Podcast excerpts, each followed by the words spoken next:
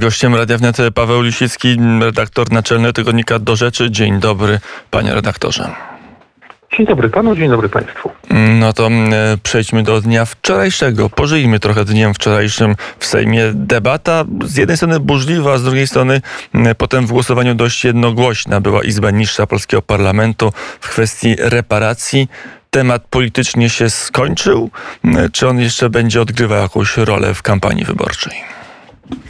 Znaczy, hmm, czy on się skończył? On, on, on, się na pewno nie skończył, no bo jak rozumiem, Ministerstwo Spraw Zagranicznych ogłosiło, że w październiku przedłoży notę dyplomatyczną Niemcom. W związku z tym, no, jeśli będzie ta nota, no to rozumiem, że to oznacza podjęcie jakichś innych działań przez rząd mających na celu mm, no, zdobycie albo odzyskanie tych reparacji, ale szczerze mówiąc, nie sądzę, żeby to było paliwo, jeśli tak można powiedzieć, polityczne, szczególnie skuteczne, ponieważ e, ten, ta sprawa ma właśnie trzy aspekty. Pierwszy, moralny, i pod tym względem sprawa jest jednoznaczna. Polsce reparacje się należą e, z powodów potwornych zbrodni, zniszczeń, jakich e, dokonali Niemcy podczas okupacji. To jest ten wymiar moralny, który dla wszystkich jest, myślę, zrozumiały. Drugi wariant, czy drugi element tej sprawy to jest kwestia prawna. To, czy Polska dysponuje instrumentami prawnymi pozwalającymi te reparacje w jakiś sposób no, zdobyć. No, tutaj ja mam wrażenie, że niestety takich instrumentów prawnych nie ma i prawdopodobieństwo uzyskania tych pieniędzy jest znikome, by nie powiedzieć żadne. Mówię o reparacjach. Bardzo właściwie z dwóch powodów. Pierwszy powód jest taki, że w wypadku reparacji mówimy o, o sytuacji, w której zwykle strony, które kończą wojnę, to jest ten moment, kiedy takie roszczenia można wygłaszać. No tymczasem od wojny, jak łatwo zauważyć, minęło i końca minęło kilkadziesiąt lat. Po drugie, nie ma żadnej instancji, do której Polska mogłaby się ze swoimi roszczeniami zwrócić. Nie istnieje trybunał, który mógłby taką sprawę rozpatrzyć. No i oczywiście ten wariant trzeci jest co najmniej dwuznaczna kwestia. Moim zdaniem jednak wygląda na to, że stan prawny jest taki, że przynajmniej formalnie formalnie Polska wcześniej, czyli w tym 53 roku, ale to było jeszcze bardziej wyraźne w roku 1990, fakt tych, tych w sensie prawnym tych roszczeń się zrzekła. No i jest aspekt polityczny, który tutaj obserwujemy. No, ale no, poza tym, że wszyscy się zgadzają, że Polsce pieniądze należą, to jak mówię, trudno mi sobie wyobrazić, co miałoby się dalej zdarzyć. Można podać przykład Grecji. W 2019 roku Grecja również mniejsze, na mniejszą skalę, bo tam chodziło o 300 miliardów euro wystąpiła z takimi roszczeniami w stosunku do Niemiec. No i to wygląda tak, mamy rok 2022, że rytualnie w czasie spotkań premier Grecji wspomina o tych roszczeniach, a Niemcy odpowiadają, że ich nie zapłacą i, i, i nic nie wskazuje na to, żeby ta sprawa w jakikolwiek sposób mogła się posunąć. Myślę, że może być tak w przypadku Polski, no to znaczy w czasie spotkań oficjalnych Polska może zgłaszać tego typu postulat, Niemcy będą odpowiadały, że on jest nieaktualny. Mm, e, to w takim wypadku jest ta droga, o której mówili politycy, droga polityczna, mm, że trzeba wywrzeć e, taki nacisk na mm, władze w Berlinie, także poprzez społeczeństwo niemieckie, e, poprzez otoczenie zagraniczne, tak jak sobie to Namibia i zmusić moralnie do wypłacenia reparacji. To jest realna droga? Nie wierzę w taką drogę. No, znaczy to, to zmuszanie przez polskie władze społeczeństwa niemieckiego do wypłacenia reparacji wydaje mi się być rzeczą dosyć, e, że powiem, wątpliwą. No jeśli polskie władze mając nieporównywalnie lepszą sytuację, ja wiem, że to jest tylko analogia, nie wolno tego wprost przenosić, ale dysponując instrumentami prawnymi, środkami nacisku, środkami wpływu, nie są w stanie e, wymusić na Unii Europejskiej e, wypłaty pieniędzy w ramach KPO, co jest znacznie prostsze, znacznie łatwiejsze i wydawałoby się takie w zasięgu ręki, to jakoś nie bardzo wiem, w jaki sposób mielibyśmy mogliśmy uzyskać 20 y, razy większą sumę od Niemiec e, przy pomocy, że tak powiem, presji moralnej. To są takie opowieści na użytek, y, jak rozumiem, no, chwilowej propagandy. Mm, I tylko tyle. Temat przeszedł, uchwała była, tak jak w roku 2004 i żadnych realnych działań wobec Berlina Warszawa nie wysunie, czy jednak ta nota popłynie, co? Czyli na tym się zakończy. No nie no, spodziewam się, że skoro już, e, no jak rozumiem, MSZ powiedział, że nota będzie, no to chyba no, to ona będzie, bo to, są, bo to jest oczywiście tak, że politycy są związani przynajmniej przez pewien czas obietnicami, które składają, więc jesteśmy blisko kampanii wyborczej w następnym roku i gdyby taka nota się nie pojawiła, to z pewnością by to zostało podniesione przez opozycję, że właśnie PiS nie zrobił tego, co obiecał. Więc zakładam, że nota będzie, ale z faktu noty dyplomatycznej nic nie wyniknie w, w, w sensie e, takim no, realnym, tak? To znaczy te pieniądze się nie pojawią. Ja zresztą uważam, że przygotowanie raportu było rzeczą słuszną, dobrą. Dobrze, że Polska ma taki instrument nacisku. Powiedzmy, że to jest taki element e, pewnego wpływu właśnie moralnego w, w rozmowie z Niemcami, ale też trzeba do tego podchodzić no, w sposób taki, bym powiedział, e, umiarkowany. To znaczy w tym sensie umiarkowany, żeby nie spodziewać się zbyt wiele po samym fakcie, że nam się coś moralnie należy. Niestety jest tak, że poza pewnym oczekiwaniem czy pewną rzeczywistością moralną jest właśnie ta rzeczywistość prawna, polityczna i tutaj no, nie spodziewam się, żeby, żeby to przyniosło w dającym się przewidzieć czasie jakikolwiek efekt. Mm, panie redaktorze, to mm, od reparacji przejdźmy, mm, przejdźmy do tematu, który być może bliżej będzie Polaków interesował tej zimy, czyli kwestia energii, kwestia kryzysu energetycznego. Zdaje się, że dziś albo jutro premier ma wystąpić na konferencji, gdzie ma zachęcać do oszczędzania energii. No ale jest tak, że, że Rosja złamie społeczeństwa zachodnie tym szantażem energetycznym, a może powinniśmy ulec i się z Rosją dogadać. To znaczy, no, to nie jest tak, że że my jako my możemy tej ulec czy się, y, czy się dogadać. Natomiast jest z pewnością tak, że mm, mm, jeśli chodzi o to zabezpieczenie przed kryzysem energetycznym, mamy do czynienia z całą kaskadą, moim zdaniem, błędów popełnianych również przy, i przez Unię jako taką, ale niestety też przez nasz rząd. Y, nic nie zmuszało Polski, na przykład na nic nie zmuszało Polski, żeby jako pierwsze ogłosić embargo na y, import rosyjskiego y, węgla z Rosji. Prawda? Polska zrobiła to sama, wyskoczyła przed szereg w połowie kwietnia. Premier uroczyście to ogłosił, znaczy ogłosił to w marcu, a rzecz weszła w połowie kwietnia, mimo tego, że jeszcze do sierpnia inne państwa unijne mogły ten węgiel kupować. Czyli stworzyliśmy sytuację na własny w pewien sposób rachunek, w której, w której okazało się, że e, wpędziliśmy się w potworny kłopot. Co gorsza, moim zdaniem przed podjęciem tej decyzji Polska nie przeprowadziła żadnej realnej analizy konsekwencji i skutków takiego działania.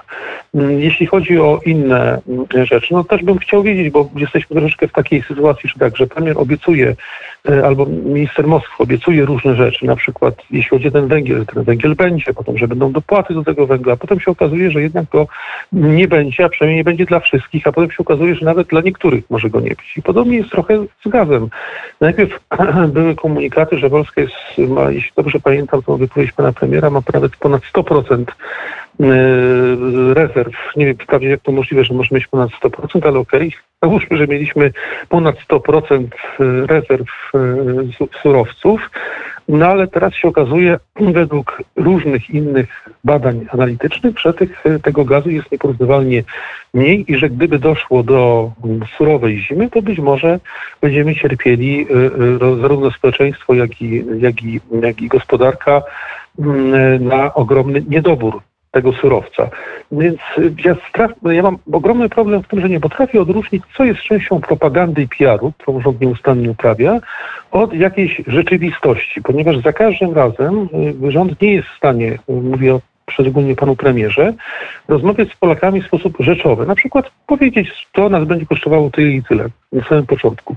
To niesie ze sobą taką taką groźbę. To może oznaczać to i to. Każdy komunikat od y, lutego, czyli od wybuchu wojny od, od, napaści Rosji na Ukrainę zawsze jest przedstawiony w sposób radykalnie propagandowy. Wspaniale, idziemy, mamy, nie poddamy się, jesteśmy pierwsi, sprzedamy wszystkich, jesteśmy najlepiej zabezpieczeni, to mamy przygotowane, to mamy gotowe, to mamy sprowadzone, tu jesteśmy niezależni. No po prostu jeśli ktoś wydaje nieustannie propagandowe komunikaty, to jak jak mogę komuś takiemu ufać i jak mogę wierzyć, że on w ogóle rzetelnie mówi i rzetelnie myśli o tym, o tych niebezpieczeństwach, które Polskę czekają. Więc, y, a potem się okazuje nagle, nagle, czyli teraz mamy połowę września, no, że cały ten pomysł rządu na świetne zabezpieczenie surowców ma polegać na tym, że Polacy mają oszczędzać e, e, energię. Pojawił się jeszcze, moim zdaniem, już jakiś kompletnie absurdalny pomysł, żeby obciążyć y, wyższymi, y, nie wiem też w jaki sposób to będzie badane, bo pamiętajmy, że wiele tych pomysłów jest rzucanych przez rząd i też nie wiem, czy dlatego, że ktoś o tym pomyślał, czy też po to, że wiedząc, że i tak się niczego nie da zrobić, przerzucić przynajmniej odpowiedzialność na jakąś grupę społeczną, w tym przypadku bogaczy. No ci bogacze to rozumiem, to są ci, którzy będą zużywali za dużo energii, oni będą więcej płacili, a, a ci biedni, biedniejsi to będą, że tak powiem, wykorzystywali to wszystko, co mają, bo rząd o nich zadba. Są wszystko sztuczki propagandowo-PR-owe, niepoważne i bardzo mi się to nie podoba. No, a z drugiej strony mamy Europę Zachodnią, gdzie może sztuczek PR-owych nie ma, albo jest ich mniej. Są po prostu mandaty za to, że się grzeje powyżej 19 stopni. No tak, ale grzanie powyżej 19 stopni, co oczywiście jest formą przygotowania się czy oszczędzania, dotyczy wszystkich, prawda? No nie ma podziału na tych, którzy y, to y, y, albo tak samo, jeśli na przykład władze Paryża zamierzają zrezygnować z instalacji z oświetlenia wieży Eiffla, no to to jest, że tak powiem, pewnego rodzaju wspólny wysiłek całego społeczeństwa. Można się zastanawiać w związku z tym, oczywiście, czy dane społeczeństwo i czy Unia Europejska prowadzi sensowną politykę, czy nakładanie sankcji na Rosję w takim wymiarze, w jakim było wprowadzone, było sensowne, czy nie. Ja mam do tego bardzo poważne wątpliwości, mówiłem zresztą o tym od samego początku, ponieważ nakładając kolejne sankcje, były one przedstawiane społeczeństwom w ten sposób, że one mają przede wszystkim zaboleć Rosję.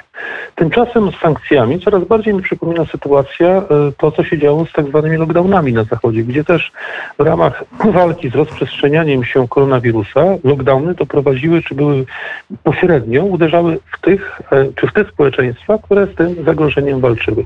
Sankcje trzeba było podzielić od samego początku na dwa rodzaje. Pierwszy to jest ten, który uderzyłby w rosyjski przemysł zbrojeniowy, czyli e, zakaz czy embargo na technologię, na wszystkie te instrumenty, które, że tak powiem, sprawiają, że rosyjska armia może być skuteczna. I to trzeba było nałożyć i ściśle tego przestrzegać.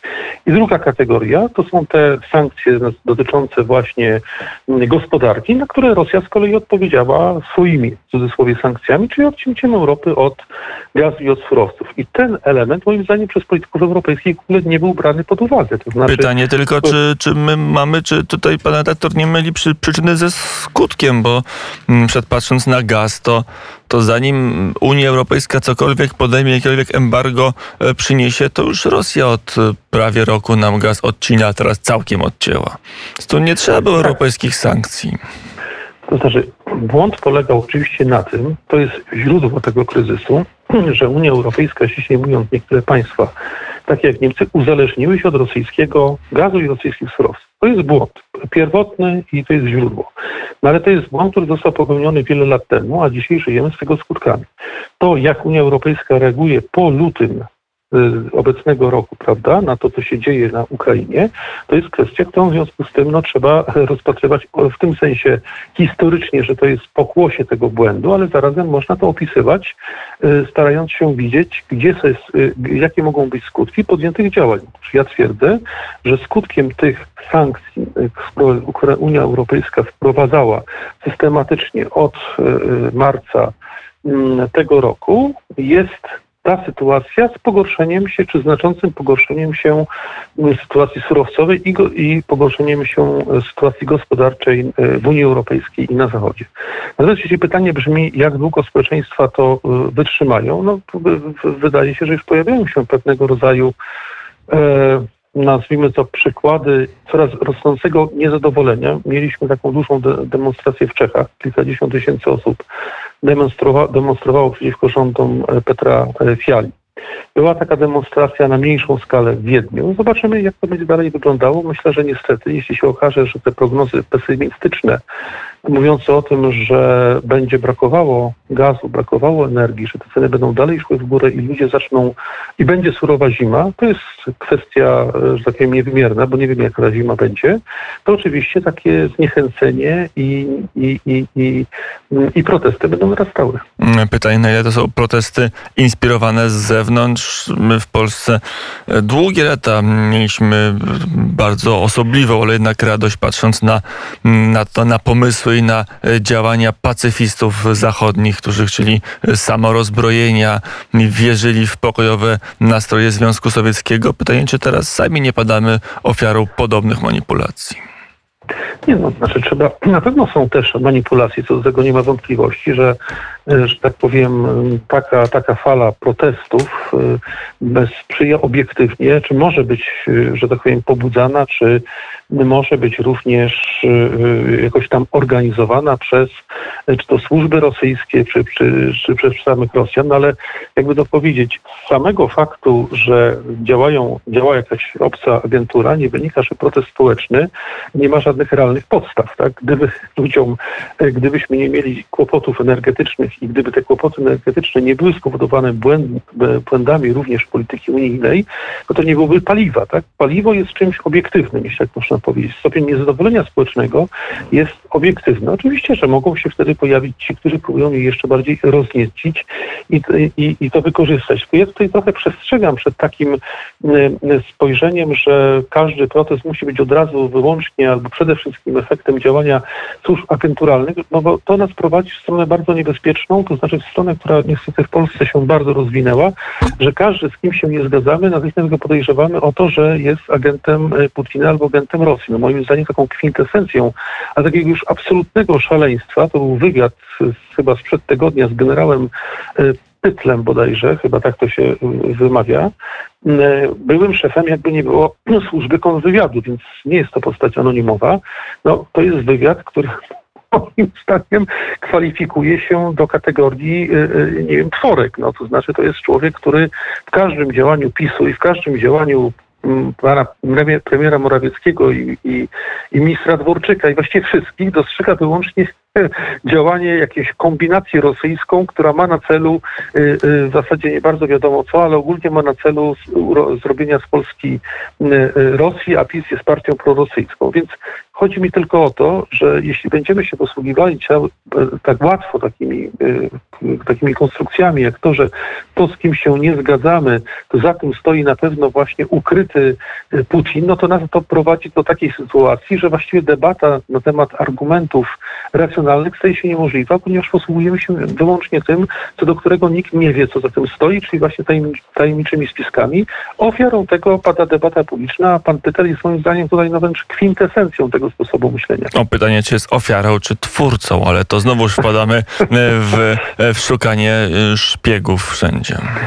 No tak, no, ja, żeby jasność, uważam, tak jak zresztą powiedziałem, że z pewnością szpiedzy w tych kategoriach, czy służby specjalne y, są kategorią po pierwsze realną. One, oni istnieją. Tak. Po drugie, możemy zanalizować, że na przykład pobudzenie protestów, czy, czy że tak powiem, e, ich, ich radykalizacja, bo tak to można by było nazwać, chociaż na razie powiedzmy sobie szczerze, że z żadną, żadną radykalizacją nie mamy do czynienia i w Polsce przynajmniej nie, nie widziałem niczego radykalnego, ale powiedzmy, czysto teoretycznie rzecz biorąc, taka radykalizacja obiektywnie mogłaby leżeć w interesie Rosji, ponieważ im większe zaburzenie społeczne, im większa niechęć do obecnej polityki, no to im wiadomo, że w mętnym stawie łatwiej łapać, łapać ryby, prawda? To, to jest działalność służby.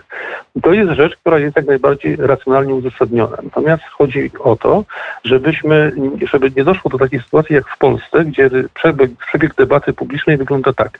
Ty jesteś agentem Putina, nie, ty jesteś agentem Putina, nie, ty jesteś większym agentem Putina, nie, ty jesteś jeszcze większym agentem Putina.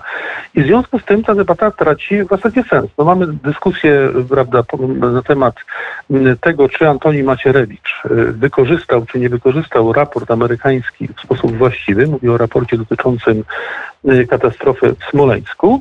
Y, I pierwsza reakcja jest taka, że on jest agentem prawda, rosyjskim, na co Macierewicz odpowiada, że to wy jesteście agentami rosyjskimi. Na co druga strona odpowiada, że to on jest agentem rosyjskim. Przecież to jest rozmowa, która donikąd nie prowadzi i uniemożliwia nam jakąkolwiek racjonalną ocenę tego, co jest w niej argumentem, co jest przedmiotem tego sporu, jak ten raport wyglądał i tak dalej. Niestety uważam, że polska opinia publiczna w dużym stopniu ulega takim, takiemu emocjonalnemu, jakby to powiedzieć, takiej, takiej manipulacji, albo sami się w nią wpędziliśmy, gdzie zamiast rozmowy następuje charakterystyczne redukcja ad Putinu. To jest to lewica zachodnia kiedyś czy cały czas używa, to się nazywało redukcja ad Hitlerum, czyli każdy, kto po prawej stronie z kim się nie zgadzaliśmy, próbowaliśmy wykazać, że on myśli jak Hitler. A w Polsce funkcjonuje redukcja ad Putinum, czyli to jest to zło absolutne i w związku z tym mm, często nie trzeba nawet wykładać swoich racji i zastanawiać się nad czymś. Wystarczy kogoś oskarżyć o to, że jest przyjacielem Putina, albo że to jest na korzyść Putina, albo że Putin na tym zyska i to jest koniec dyskusji. I to też będzie e, kropka naszej dyskusji. E, Paweł Lisicki, redaktor naczelny tygodnika Do Rzeczy, był gościem Radia Wnet. Dziękuję bardzo za rozmowę. Dziękuję bardzo.